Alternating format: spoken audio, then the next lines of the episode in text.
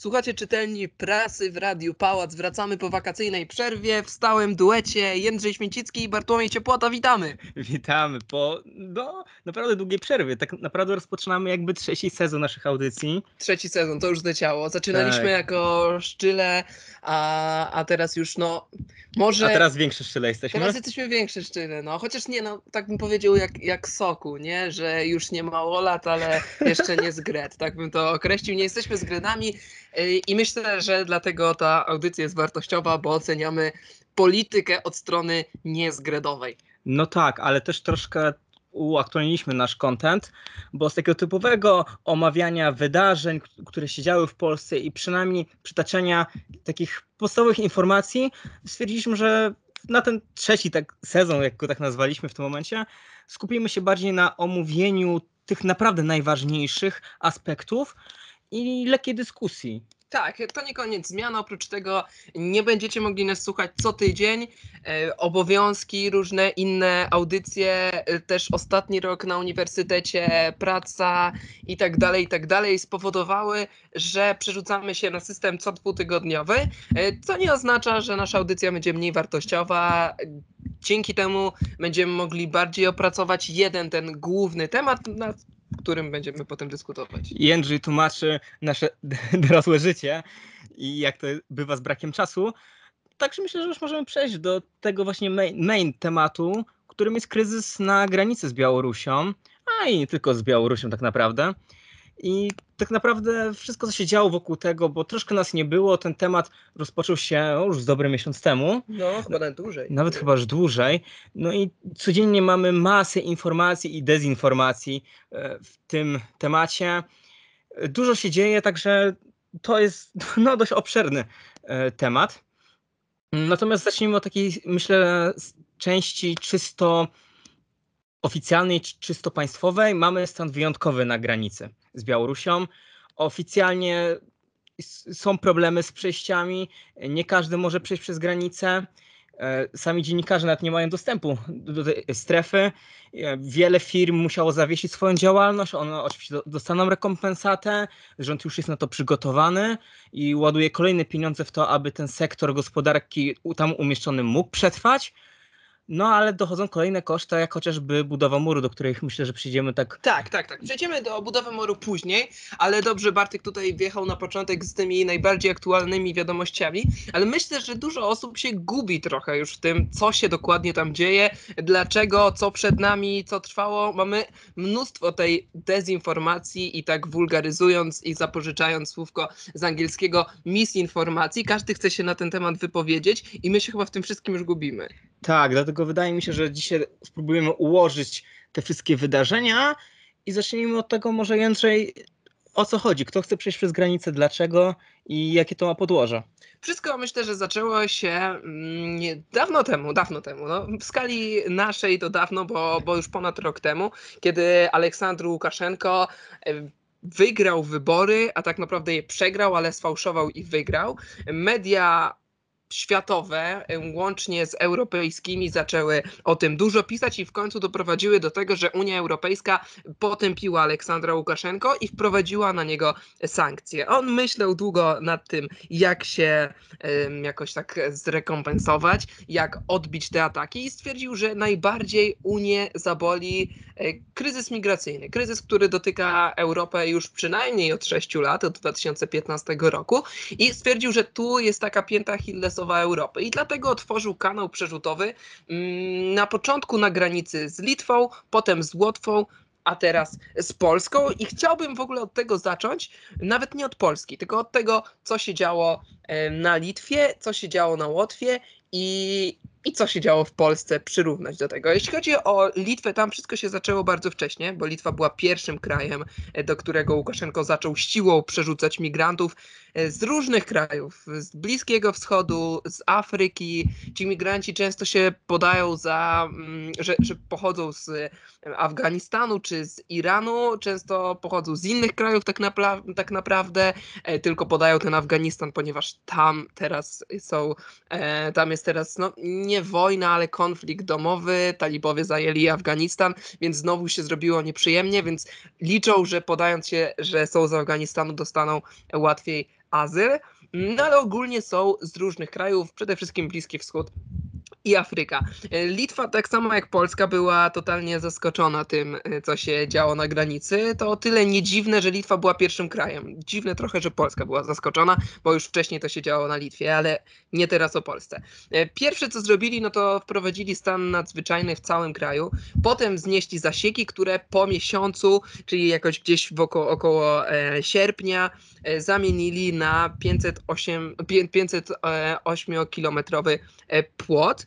Ponadto zbudowali obóz dla niele, nielegalnych imigrantów, na początku jeden, potem drugi, a na samym końcu zaproponowali każdemu migrantowi 300 euro i darmowy lot do kraju, e, jeszcze każdemu migrantowi, który się zdecyduje na powrót. Jeżeli ktoś się nie zdecyduje, może e, złożyć wniosek o azyl i e, Litwini to skrócili to rozpatrywanie wniosku do 10 dni, tak żeby jak najszybciej dało się e, te osoby mm, sprawdzić po prostu, sprawdzić czy im przysługuje ten azyl, czy nie, czy one chcą zostać na Litwie, czy chcą wyjechać e, gdzieś dalej, wszystkie najważniejsze informacje. Aktualnie jest takie, zostało wprowadzone prawo, że każdy, kto nielegalnie przekroczył granicę, nie dostanie żadnej pomocy prawnej, e, nie ma możliwości ubiegania się o azyl, tylko od razu jest albo wyrzucany, albo zsyłany w najlepszym przypadku do obozu i dla migrantów, a tak naprawdę to często też zrzucane siłą do, na Białoruś.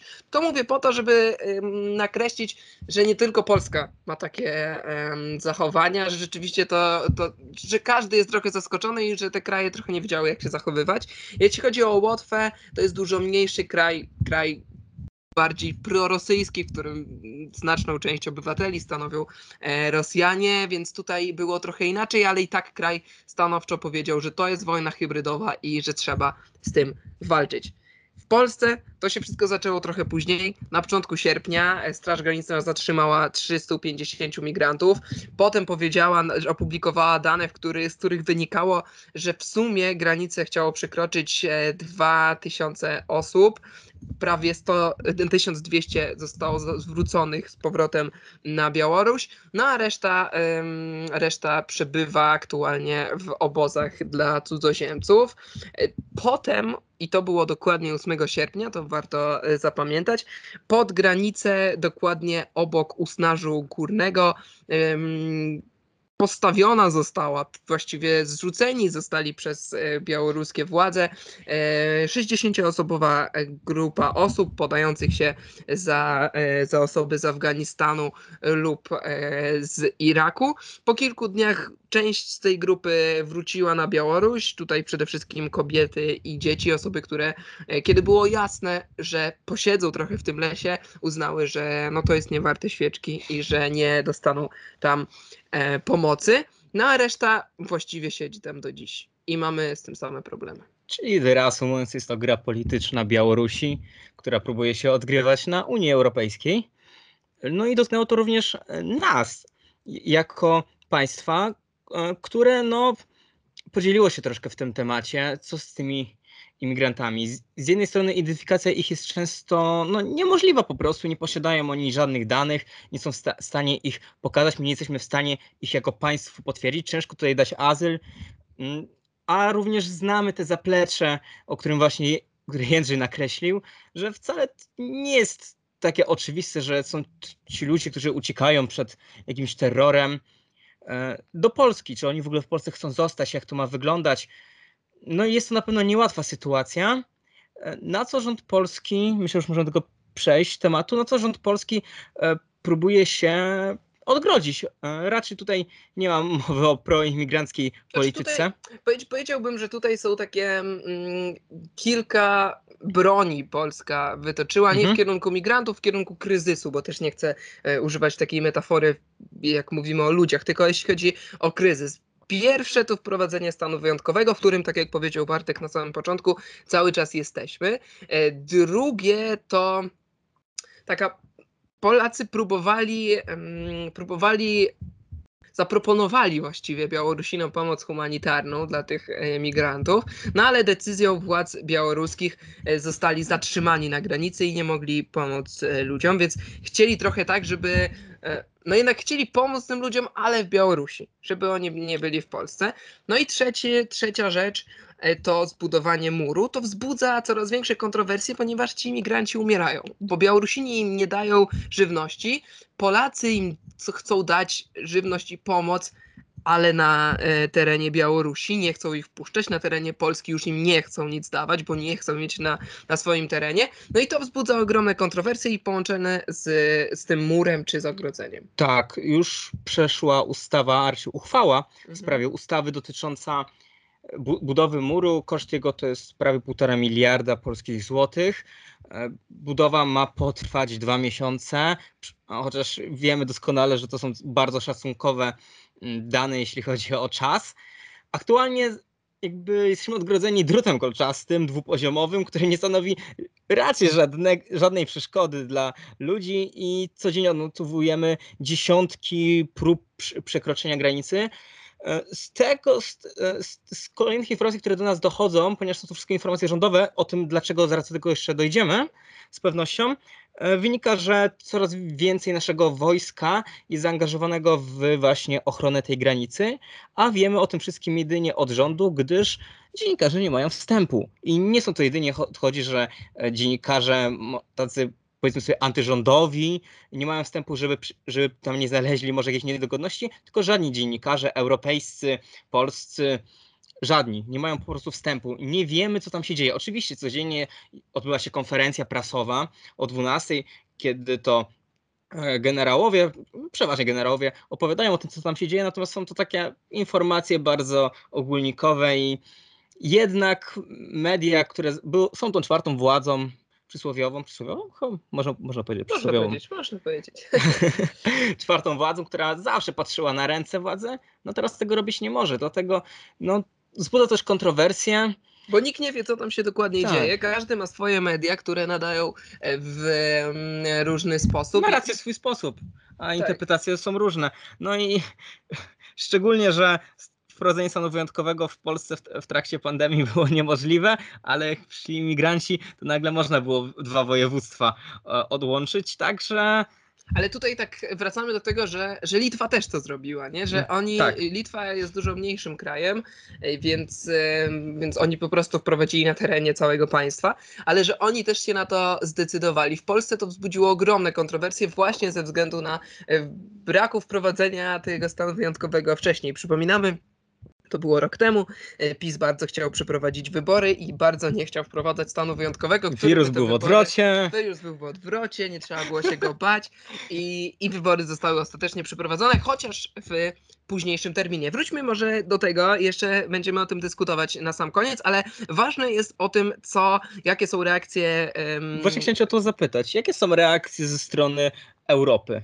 Tutaj mamy różne, różne interpretowanie prawa, ponieważ wszystko to się sprowadza do konwencji genewskiej, która nakazuje przyjmowanie uchodźców. Do, ale z drugiej strony mamy prawo, które opiera się na poszanowaniu dla, dla, dla granic i dla, dla, dla państwa, że jednak nie da że, że nielegalne przekroczenie granicy jest jednak nielegalne. Więc z jednej strony y, Polska jest wspierana przez Europę w bronieniu granicy i w niedopuszczaniu e, migrantów do przekraczania tej granicy. Z drugiej strony, jak już migranci przekroczą tę granicę i twierdzą, że są uchodźcami, to według konwencji genewskiej Straż Graniczna powinna ich przyjąć i powinna nawet uznać ich oświadczenia ustne. Nawet nie powinna patrzeć, czy oni nie mają dokumentów, tylko powinna ich przyjąć, zabrać do jakiegoś ośrodka, tam zbadać dokładnie skąd oni są, e, pobrać odciski palców spytać, co mają zamiar robić w przyszłości, gdzie się wybierają, czy chcą zostać w Polsce, czy za granicą, i wtedy podjąć decyzję. I tego, e, tego Polacy nie robią i są za to krytykowani przede wszystkim przez e, Rzecznika Praw Człowieka, przez Radę Europy czy Europejski Trybunał Praw Człowieka. No ale takie organizacje jak NATO czy jak Unia Europejska skupiają się bardziej na Łukaszence i na tym, że celem Łukaszenki jest rzeczywiście ta destabilizacja Unii Europejskiej przez ataki wręcz na, na Polskę, Litwę czy Łotwę i że ta obrona granic jest, jest kluczowa. I tu nawet NATO zadeklarowało pomoc w Polsce w tej sprawie. Mm, no to dochodzimy do właściwie kluczowej, kluczowego pytania, kluczowej kwestii. Co Polska powinna w tym momencie zrobić? No i tutaj się otwiera klub dyskusyjny czytelni prasy, bo sytuacja nie jest łatwa i już tak stricte moim zdaniem e, nie powinniśmy wchodzić w grę polityczną e, tutaj ze strony Białorusi. Powinniśmy pomóc tym ludziom, którzy są na granicy, natomiast zrobić e, to w ten sposób, żeby właśnie nie dawać jakiejkolwiek satysfakcji. Skoro jest to gra polityczna, trzeba ją po prostu dobrze rozegrać. Nawet jeśli w pewnych aspektach jest to ciężkie prawnie, powinniśmy jednak pójść za głosem rozsądku i ten problem jak najszybciej zneutralizować. Ale build the wall czy nie? No właśnie nie build the wall, właśnie tego chce, chce Białoruś. Chce konfliktu, chce złych nastrojów, chce, żebyśmy my wydawali pieniądze. Może... czy, czy to nie jest tak, że...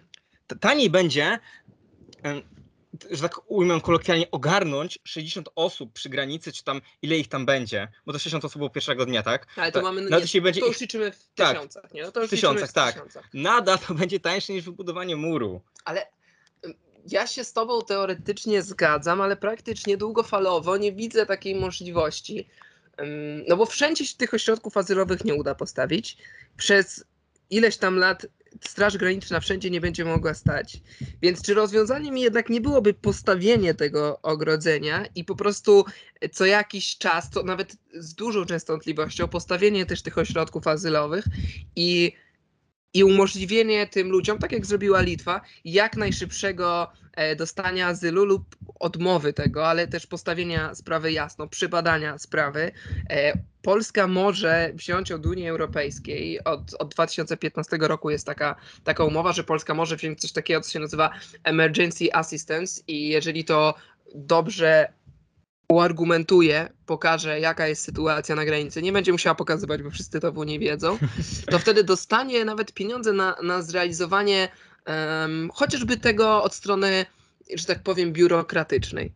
Więc, więc ja, ja nie wiem, czy ten budowanie tego ogrodzenia, tego muru jest całkowicie bez sensu, bo jak inaczej upilnować granice? Jesteśmy Unią Europejską. Jesteśmy elementem ogromnej układanki wielu państw, Dlatego myślę, że na, jeśli byśmy to rozegrali dobrze, to tutaj akurat już tak wchodzę bardzo filozoficznie, gdyby dogadać się z każdym, każdą państwem, rozbicie tych paru tysięcy osób na 40 państw w Unii Europejskiej, coś takiego? Mhm, coś... No to naprawdę to nie robi na nikim wrażenia. Zaraz Jędrzej e, zweryfikuje moje, moją wiedzę dotyczącą Unii Europejskiej. Natomiast sam fakt tego, że my nawet nie podejmujemy żadnych działań ku temu i czy to jest możliwe, 27. o czym teraz mówię, 27.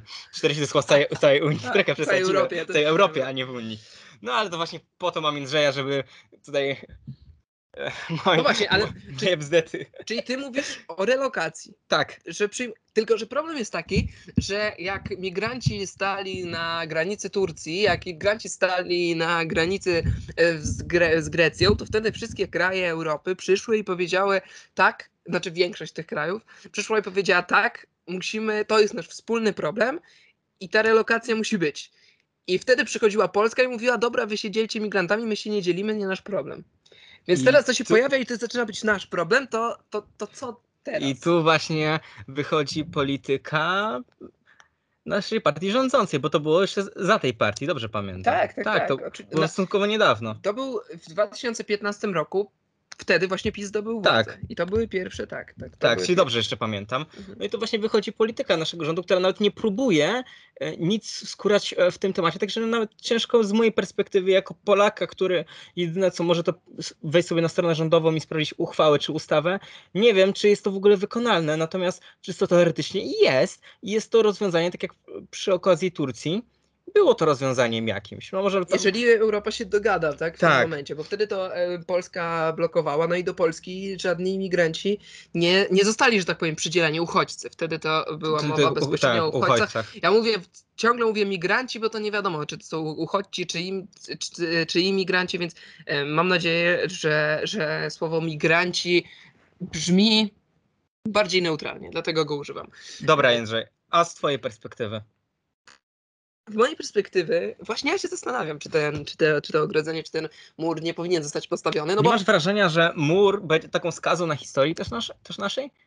Że mur nie jest czymś, co tak przejdzie sobie. To nie jest murek, który sobie postawisz przed ogródkiem. Jakby tu nie mówimy o tym, że oni chcą przejść na kilometrze granicy, tylko tych kilometrów jest ileś. No tak, tak, tak. I tak, tak. to pozostanie i Ale pie- jako budowa i jako historia nasza. Litwa ponad 500, 500 kilometrów zostawiła murem, e, więc em, znaczy tym ogrodzeniem. Więc no trochę trudno, no trochę, no bo nie, nie widzę innego rozwiązania, bo w momencie, w którym pokażemy, że wszystkich tych migrantów przyjmiemy, to Łukaszenko będzie ich e, wsyłał coraz więcej. A, a może odwrotnie, jeśli zobaczy, że sobie z tym radzimy, to nie będzie miał po co tego robić, skoro Wielka Unia Europejska sobie radzi z czymś Ale- takim. czy sobie poradzimy. Tutaj do, dochodzimy też do ważnej kwestii, no bo dochodzimy do pieniędzy, to nie będziemy nawet e, udawać. E, kto za tych migrantów zapłaci? Polska jako jeden jednak nie z tych najbogatszych krajów w Unii może mieć wątpliwości, czy jest w stanie zapłacić. I tutaj dosyć ciekawą informację znalazłem na stronie Okopres. No i teraz decyduję. Polski rząd właśnie w tej chwili tworzy plan, jak będzie chciał wydawać pieniądze z nowego Europejskiego Funduszu Azylu i Migracji na lata 2021-2030. Od lat przekazujemy z niego mniej więcej 50% zaplanowanych dla nas kwot z ociąganiem przeznaczających środków na e, integrację nowych mieszkańców Polski. Czyli jest jakiś budżet i my go nie wykorzystujemy, bo w sumie też ten problem jest dosyć nowy dla nas. E, to może wykorzystamy go w 100% i wtedy rzeczywiście ta liczba migrantów, nawet nie liczba, których przyjmiemy, tylko przebadamy, sprawdzimy skąd oni są, no może na pewno wzrosnąć i wtedy, wtedy możemy ich Mhm. wpuszczać, chociażby po to, żeby e, oni trafiali do tych środków azylowych. Tam oczywiście też trzeba ich e, wyżywić, trzeba im e, załatwić, żeby było ogrzewanie, żeby, żeby były godne warunki. Na, nadal nie jest półtora miliarda.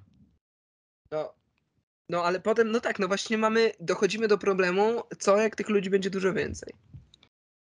Nadal mi się wydaje, że już w tym momencie przegraliśmy tę grę polityczną jako Polska, nie jako Unia Europejska, jako Polska przegraliśmy tę grę polityczną i po tych wszystkich stanach wyjątkowych działalności na naszej granicy przegraliśmy. To jest jedno słowo, które pokazuje, że Białoruś tutaj jest nad nami górą.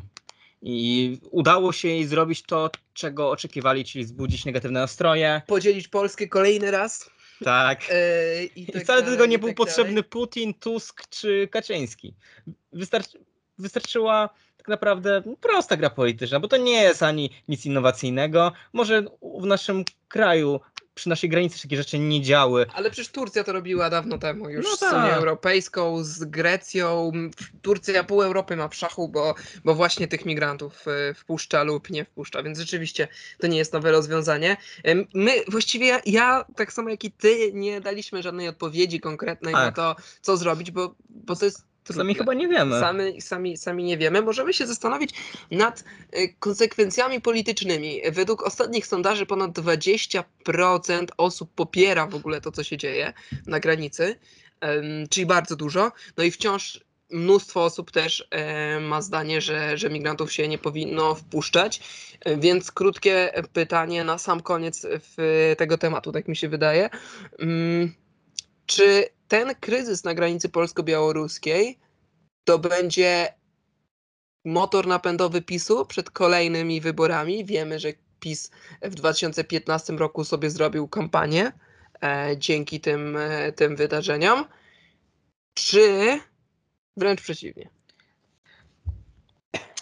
Odpowiedź, od, odpowiem w taki sposób, że Prawo i Sprawiedliwość potrafiło zrobić kampanię wyborczą, w trakcie której nawiązywało do katastrofy smoleńskiej i wielokrotnie. Także wykorzystanie mm, konfliktu z imigrantami, uchodźcami, jak ich nazwiemy, to myślę, że nie będzie dla nich żadnym problemem. I patrząc po ich polityce sprzed ostatnich lat, tak, zrobią to na pewno i ugryzą to jeszcze w taki sposób, że będziemy my tutaj na czytelni pracy oburzeni. To jeszcze kolejne pytanie, bo, bo, bo jest to druga kwestia. Co powinna zrobić opozycja w tym momencie? Bo opozycja jest ewidentnie podzielona. Po jednej stronie mamy większość lewicy, mamy e, Franka Sterczewskiego z PO, ludzi, którzy mówią: przyjmujemy wszystkich, e, dajemy im jeść, przyjmujemy, to jest e, takim najważniejszym. Z drugiej strony bardziej stonowane, bardziej stonowane opinie, tak, trzeba tym ludziom pomagać. Trochę trochę takie jak ja w tym momencie mówię. Tak, trzeba tym ludziom pomagać, ale granice to jest świętość, musimy ich sprawdzać, nie możemy wszystkich wpuszczać. E, musimy znaleźć rozwiązanie na to, żeby ci ludzie przeżyli, ale żeby w Polsce nielegalnie nie przebywali. Która strona okaże się dla opozycji lepsza? W tym momencie wydaje mi się, że są aż takie podziały w opozycji, jeśli bierzemy opozycję całą, jak e, również i Kukiza i Konfederację całą. Znaczy no Konfederację może nie, no bo to jest inny, inny, inni wyborcy, no ale no powiedzmy, właśnie. że bierzemy tą stronę liberalno-lewicową. Oni powinni jak najbardziej no na początku powinni e, celować w wpuszczanie imigrantów, tak bardzo teraz to upraszczam, natomiast w tym momencie, ja nie wiem, według mnie są w, E, w szachu, są w ciemnej alejce, no wiesz, gdzie nie mają już mhm. teraz w tym momencie co zrobić, bo jeśli był czas na działanie, to ten czas na działanie był na początku konfliktu, a teraz już jest za późno na jakiekolwiek kroki i jedyne co teraz może robić opozycja to patrzeć i najwyżej skandować jakieś populistyczne...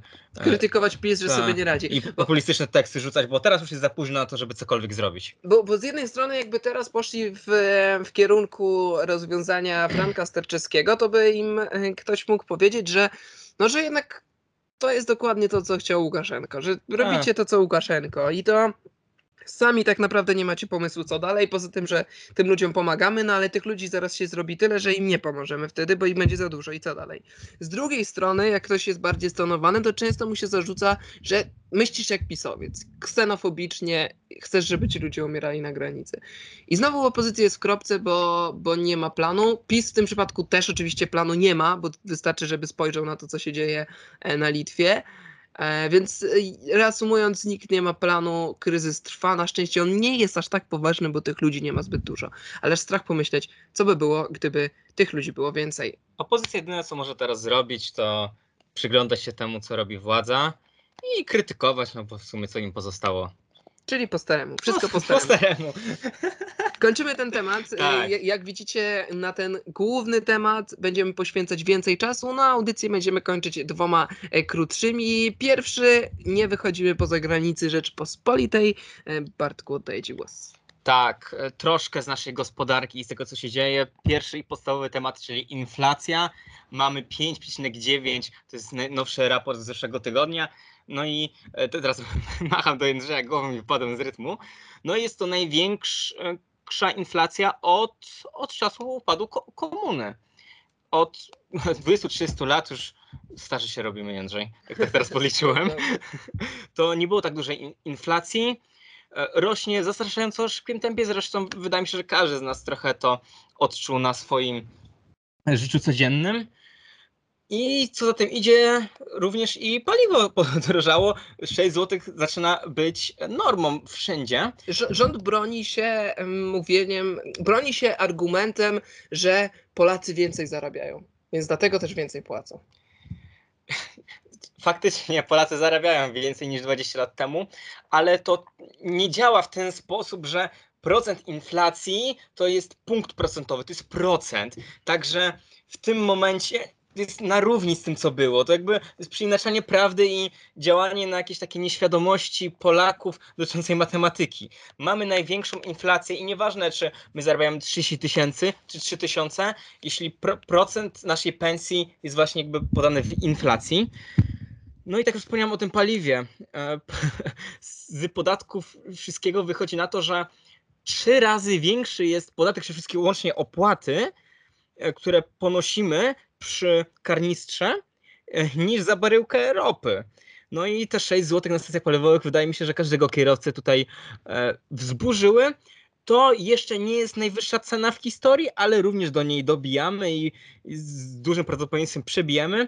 E, stopy procentowe również, mamy dużo szóstek, stopy procentowe wzrosły sześciokrotnie od, przez ostatni kwartał, utrzymując się jeszcze gdzieś tam na początku roku w okolicach 0,2, teraz mamy 2.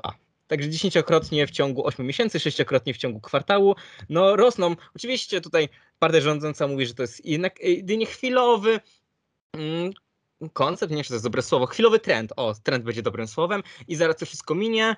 Natomiast czy tak będzie, no, zobaczymy. Natomiast fakt jest faktem, mamy dużo szóstek aktualnie i to dość dla, naszego, dla naszych I portfeli to nie szkoła. niekorzystnych. I to nie, I to nie szkoła. To nie szkoda, Tutaj, tutaj szóstki nic e, dobrego nie dają, to może jeden sobie zrobimy jeden e, tweet, żeby się trochę pośmiać. Andrzej Duda, 15 lutego 2012, 12, 2012 rok. E, Interia. Od 1 marca zdrożeje przejazd autostradą Katowice-Kraków. Andrzej Duda komentuje. Super, do tego paliwo po 6 zł, może czas przesiąść się na psie zaprzęgi. I to myślę, że jest idealne podsumowanie tego newsu. Jędrzej, tak mi się zastanawiam, może zróbmy jakiś kącik najlepszych tweetów. I skoro mam co dwa tygodnie audycję, myślę, że znajdziemy takiego tweeta tygodnia. Dobrze, Ty dobrze. przygotujesz jednego, ja przygotuję jednego. Dobrze. Jak kiedyś przygotujemy tego samego, to będziemy się, będziemy się uśmiechać do siebie. Dobrze, bardzo mi się to podoba. No to Andrzej Duda z e, lutego 2012 wygrywa. E, Opuszczamy Polskę, Opuszczamy. ale wracamy do tematu migracji. E, Właściwie no nie, nie bezpośrednia e, tematu migracji, ale do rzeczy.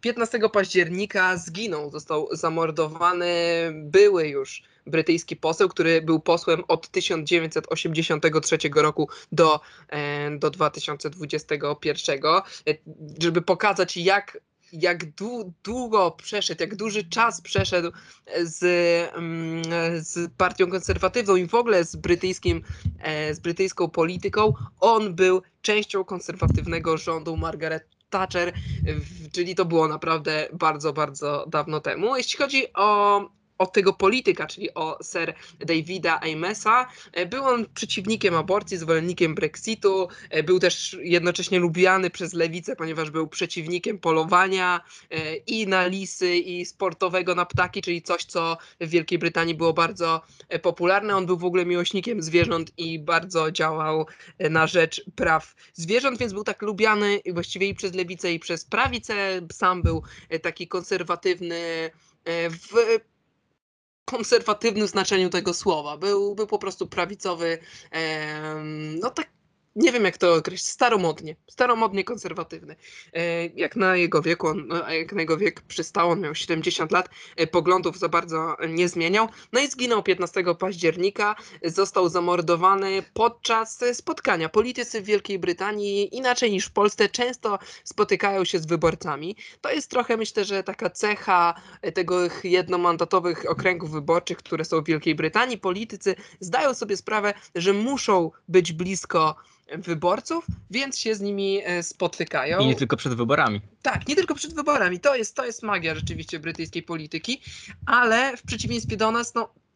To nie ma chyba na to pieniędzy ani chęci, żeby każde takie spotkanie zabezpieczać ilomaś tam, nie wiem, dziesięcioma. No, wydaje mi się, że to bardziej chodzi o chęci, bo Możliwe, możliwe, tak, no bo to są takie bardziej luźne spotkania z sąsiadami, Mhm. bo tam są te okręgi wyborcze, więc wyborcy to są sąsiedzi, y, polityk wychodzi i tym razem nie rozmawia z nimi o meczu czy o, nie wiem, trawnikach, tylko rozmawia o polityce. Ale to wynika z kultury polityki. To myślę, że nie ma co się tak może przyczepiać, nie żebyśmy się chyba Mhm. czepiali po, polskich polityków. Po prostu tam troszkę inaczej Tak. wygląda kultura Tak. tego i No i też system to, to powoduje. Mhm. My jak też mamy samorządowe wybory, to może w Warszawie to trochę zanika, ale, ale na przykład mam wrażenie, że u mnie, e, ja mieszkam, znaczy nie mieszkam już u moich rodziców pod Warszawą, jest tak, że, że jak są te wybory lokalne, to, to się zna tych ludzi i też na co dzień można ich zaczepić i spytać, no panie, dlaczego śmietników nie ma na tej, na tej ulicy. Oczywiście wiesz o co mi chodzi, tutaj, tutaj inna skala. odbiliśmy trochę od tematu, więc możemy chyba Tak, wrócić tak, do Anglii. Tak, a jeśli chodzi o, o, o Sir Davida Amesa, No, on został zamordowany podczas jednego z, z takich e, spotkań. Jak jak się okazało, napastnikiem był Somalijczyk z brytyjskim paszportem, najprawdopodobniej już urodzony tutaj w Wielkiej Brytanii, więc można by powiedzieć, że, że Brytyjczyk i Somalijczyk, pół Brytyjczyk, pół Somalijczyk. E, I z ustaleń wynika, że, że przyczyną były, była religia i, i ten sprawca, morderca był muzułmańskim fanatykiem. I tutaj wracamy, właściwie dwie kwestie są komentowane w Wielkiej Brytanii. Pierwsza taka, że, mm, no, że to był muzułmanin i jednak te problemy z, ze skrajnymi muzułmanami, ze skrajnymi, już z islamskimi terrorystami, no są w Wielkiej Brytanii, są w krajach Europy Zachodniej, gdzie E, migrantów jest wiele, więc wraca do nas ten e, temat, e, ten temat migracji i wraca do nas temat radykalnego islamu. Temat, z którym bardzo trudno się Europie uporać. Według mnie trochę przez poprawność polityczną, ponieważ to jest tylko i wyłącznie moja opinia. W, na zachodzie w Wielkiej Brytanii rzadko ludzie przyznają, że, że przyczyną był E, były, że przyczyny były religijne. Tak to wygląda w moich oczach, że, że jednak tam jest często, doszukuje się drugiego dna, chociaż, chociaż przyczyny są ewidentnie religijne. Też jest tak, że podczas COVID-u, często w tych najbardziej radykalnych częściach Wielkiej Brytanii, gdzie mieszka najwięcej muzułmanów, modlitwy nie były przerywane, bo, nie wiadomo dlaczego. Nie dlatego, że policja się bała ludzi w środku, tylko bardziej policja się bała reakcji mediów, bała się według mnie tej poprawności politycznej. Nie chcę w to bardzo wchodzić, ale nawiązała się, się duża dyskusja na temat tego, e, jak sobie radzić ze skrajnym islamem. Tutaj podkreślam oczywiście, podkreślam to słowo skrajne, bo, bo jest zdecydowanie kluczowe. Drugie, druga dyskusja to na temat bezpieczeństwa polityków. W 2016 roku zamordowana została Joe Cox podczas kampanii brexitowej. W 2010 zraniono Stevena Teamsa, e, to było jeszcze przed Brexitem, ale, ale też to były przyczyny polityczne. Dochodzimy do kolejnego morderstwa w 2021 roku. No to wygląda naprawdę niebezpiecznie. Średnio co 5 lat dochodzi do e, do morderstwa czy do bardzo dotkliwego ataku. No takie rzeczy się nie zdarzają. My oczywiście pamiętamy śmierć świętej pamięci prezydenta Adamowicza, ale to był ewenement, E, to był jakiś jeden przypadek na. No, innego takiego przypadku nie było po prostu, tak? Nie, nie, nie było morderstwa. Tutaj mamy coś, co się powtarza, no i wracamy do tego, do tego problemu. E, no i też to, to co no mówiłem na początku, jak, jak Joe Cox e, została zamordowana, wszędzie podkreślano, że została zamordowana przez skrajnego, prawicowego radykała, co było prawdą, bo to było podczas kampanii brexitowej, gdzie ta nienawiść pomiędzy obiema stronami była ogromna i tam aż kipiała. E, no ale z drugiej strony teraz e, mamy 2021 rok, skrajny muzułmanin zabija mm, konserwatywnego polityka i już tych określeń i kto to był, czy był skrajny taki, czy był skrajny taki jest mało i też często się pomija e, wiarę tego napastnika, co według mnie jest błędne, bo, bo nie podoba mi się to, że się nie zestawia tego e, z faktami. To jest oczywiście tylko moja opinia. Świętej pamięci już David e, Ames, który był właściwie Sir David Ames, ponieważ za swoje zasługi dla Wielkiej Brytanii, zasługi dla brytyjskiej polityki został mianowany tytułem szlacheckim. E, pokój jego duszy i chyba na tym, tym smutnym aspektem kończymy naszą audycję. E, tak jak widzieliście, nowa forma, według mnie nawet bardziej ciekawa, bo nie gadamy o nudnych sprawach. Pandemia dalej trwa, ale my wow. mamy możliwość, my mamy możliwość spotykania się, więc to też jest według mnie dobra zmiana. E, więc są tak, tak, bo my się widzimy rozmawiając, e, może jeszcze nie w studio, ale widzimy ale się. obok siebie. Tak, i zupełnie jest inny vibe. Wydaje mi się, że zgrabnie przyszła ta audycja. Nie ma problemu z internetem. No dobrze po prostu prowadzić audycję e, na żywo. E, no właśnie jeszcze nie w studiu, ale za tydzień. Za dwa, dwa tygodnie będziemy w studiu prawdziwym. Teraz jesteśmy w prowizorycznym. Więc pamiętajcie, czytelnia prasy co dwa tygodnie w nowej formie, o nowej godzinie 18.15, ale też potem na Spotify'u w klasycznym dwuosobowym składzie Bartłomiej Ciepłota i Jędrzej Święcicki. I jeszcze mnie przedstawił na koniec. Pięknie. Dziękujemy Wam bardzo. Kłaniamy się. Do usłyszenia.